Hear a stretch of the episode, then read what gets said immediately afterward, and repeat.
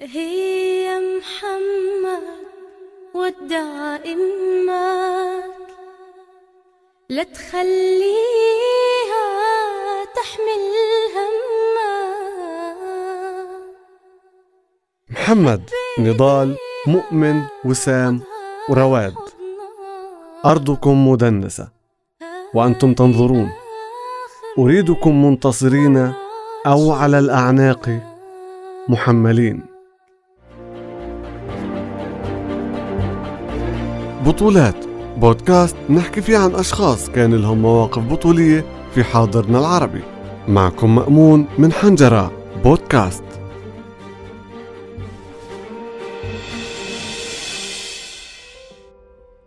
إحنا ممكن نجسد مفهوم التضحية في سبيل الوطن بكتير معاني وأمثلة وبتزداد رفعة هاي التضحية بازدياد ارتباطك وحبك للإشي اللي بتضحي فيه.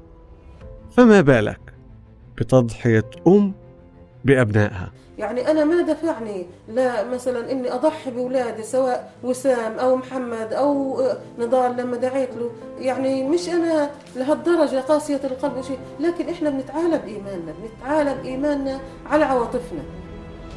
حكينا قبل إنه الوقوف في وجه الظلم والقتال في سبيل الحرية مش حكر على دين أو عرق أو طبقة اجتماعية معينة وكمان مش حكر على جنس معين. فخلال صراعنا المستمر مع الاحتلال اللي بتتعرض له بلادنا كان لوجود المرأة الفلسطينية دور كبير في استمرارية النضال والدفاع عن أرضنا. ودورها ما كان له حدود ولا محصور في مجال معين. فشاركت المرأة الفلسطينية في المجال التأسيسي والتنظيمي والتعبوي والطبي والدعم المالي. والأهم من هيك المجال العسكري والسياسي. فكتير نساء فلسطينيات كان لهم أثر سياسي مهم في دعم قضيتنا.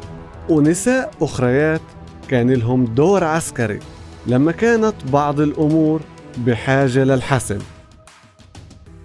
اليوم رح نحكي عن مريم محمد يوسف محيسن والشهيرة بخنساء فلسطين اللي قدرت تجمع بين المجال العسكري والسياسي في سبيل القضية الفلسطينية بنفس الوقت. أنا ما فقدت أولادي بس فقدت كثير من قادة القسام. عاشوا في بيتي وأكلوا معانا وشربوا معانا وكان يعني علاقة فيهم قوية جدا. وبعتبرهم كلهم أبنائي. لكن سنضحي ولن تكسر عزيمتنا هذه التضحيات انولدت مريم محيسن أو خنساء فلسطين في غزة سنة 1949 وتربت فيها وظلت صامدة ومرابطة فيها. وكانت من الفتيات المتفوقات في دراستهم. توجهت في بداية حياتها للمجال الدعوي فكانت تعطي ندوات دينية للنساء في المساجد وندوات توعوية عن أحقيتنا بأرضنا. وأهمية رفضنا للتسليم أو التطبيع مع المحتل واللي سميت خنساء فلسطين تيمنا بالصحابية تماضر بنت عمرو السلمية رضي الله عنها اللي قدمت أولادها شهداء في سبيل الدعوة الإسلامية في معركة القادسية. وفي عام 1992 قررت إنها تحول بيتها لمخبأ للشباب المطاردين من قوات الاحتلال ويكون بيتها هو مأوى آمن إلهم.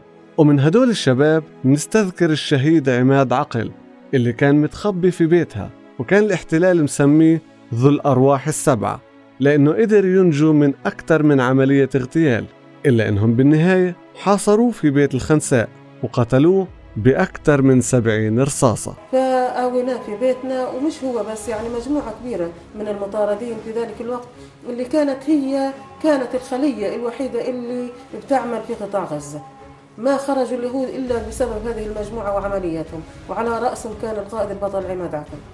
في 20 آذار 1995 تعرض ابنها وسام فرحات للاعتقال والسجن لمدة 11 سنة.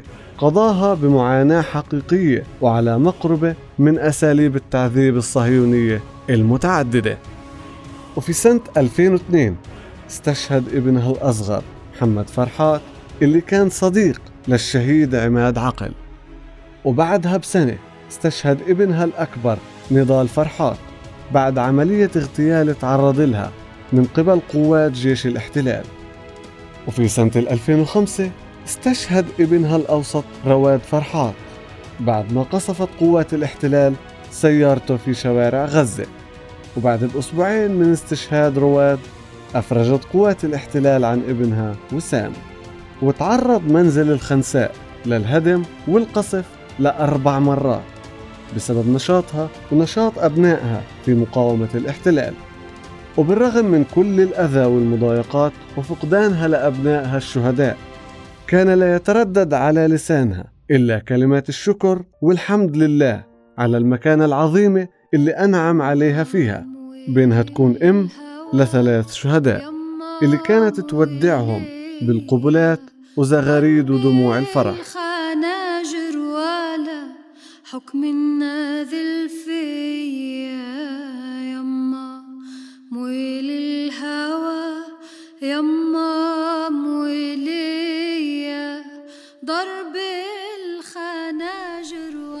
مضحية ويعني عارفة ابني وين ارتقى لحياة أسعد من حياتي فأنا سعيدة بهذا الشعور. يعني صحيح يمكن الدموع تنزل يمكن أعيط إشي لكن القلب مرتاح في سكينة وطمأنينة. حكم الناذل فيا انتخبت الخنساء كعضو في المجلس التشريعي الفلسطيني سنة 2006 ممثلة عن قائمة الإصلاح والتغيير التابعة لحركة المقاومة الإسلامية حماس وكانت تشارك في الوفود الرسمية وغير الرسمية للدول العربية والصديقة لنشر رسالة ومعاناة فلسطين. وكانت الخنساء دائمة العطاء فما كانت تتوانى عن تقديم المساعدات لكل حدا بيطلبها منها. بالإضافة لأنها كانت مستمرة على تفقد أحوال وأوضاع الشباب المرابطين على الثغور نحن كشعب اولا وكأمهات ونساء في أرض فلسطين يجب علينا أن نشارك في الجهاد وهذا أقل الواجب أن نزور هؤلاء الأبطال لنسعد نسعد برؤيتهم اولا ولنحاول أن نرفع من معنوياتهم ثم لنغتنم شيئا من الأجر إن شاء الله معهم. توفت خنساء فلسطين في 17 آذار 2013 بعد صراع طويل مع المرض. استمر لمدة سنوات من العلاج في مستشفيات فلسطين ومصر وسوريا. في يوم جنازتها تناوب على حمل جثمانها الوزراء وأعضاء المجلس التشريعي وقادة الحركات الفلسطينية والمجاهدين اللي حضروا جنازتها. بأعداد غفيرة. وأصبح ذكرى الخنساء مفخرة فلسطينية وإسلامية. فأنتج المجلس التشريعي الفلسطيني كتاب سنبلة وسيف اللي بيحكي عن قصة الخنساء. وهو من تأليف الدكتور عطلة أبو السبح ورسومات الرسام والفنان الفلسطيني فتحي غبن. عدا عن قيام مديرية تربية وتعليم رفح بافتتاح مدرسة مريم فرحات. في الحي السعودي تخليدا لذكرى الخنساء. وعرض وشاح الخنساء للبيع بالمزاد العلني واللي راح ثمنه دعم للعائلات النازحة نتيجة للصراع في سوريا. قصة الخنساء واحدة من أكثر من مليون قصة لأمهات فلسطينيات صابرات ومرابطات فالأم الفلسطينية انكتب عليها منذ الأزل إنها تكون أم الشهيد أو الأسير أو المطارد. وقدرت بقوة الأمومة وصلابة الأنوثة إنه تأدي هذا الدور بكل صبر وثبات.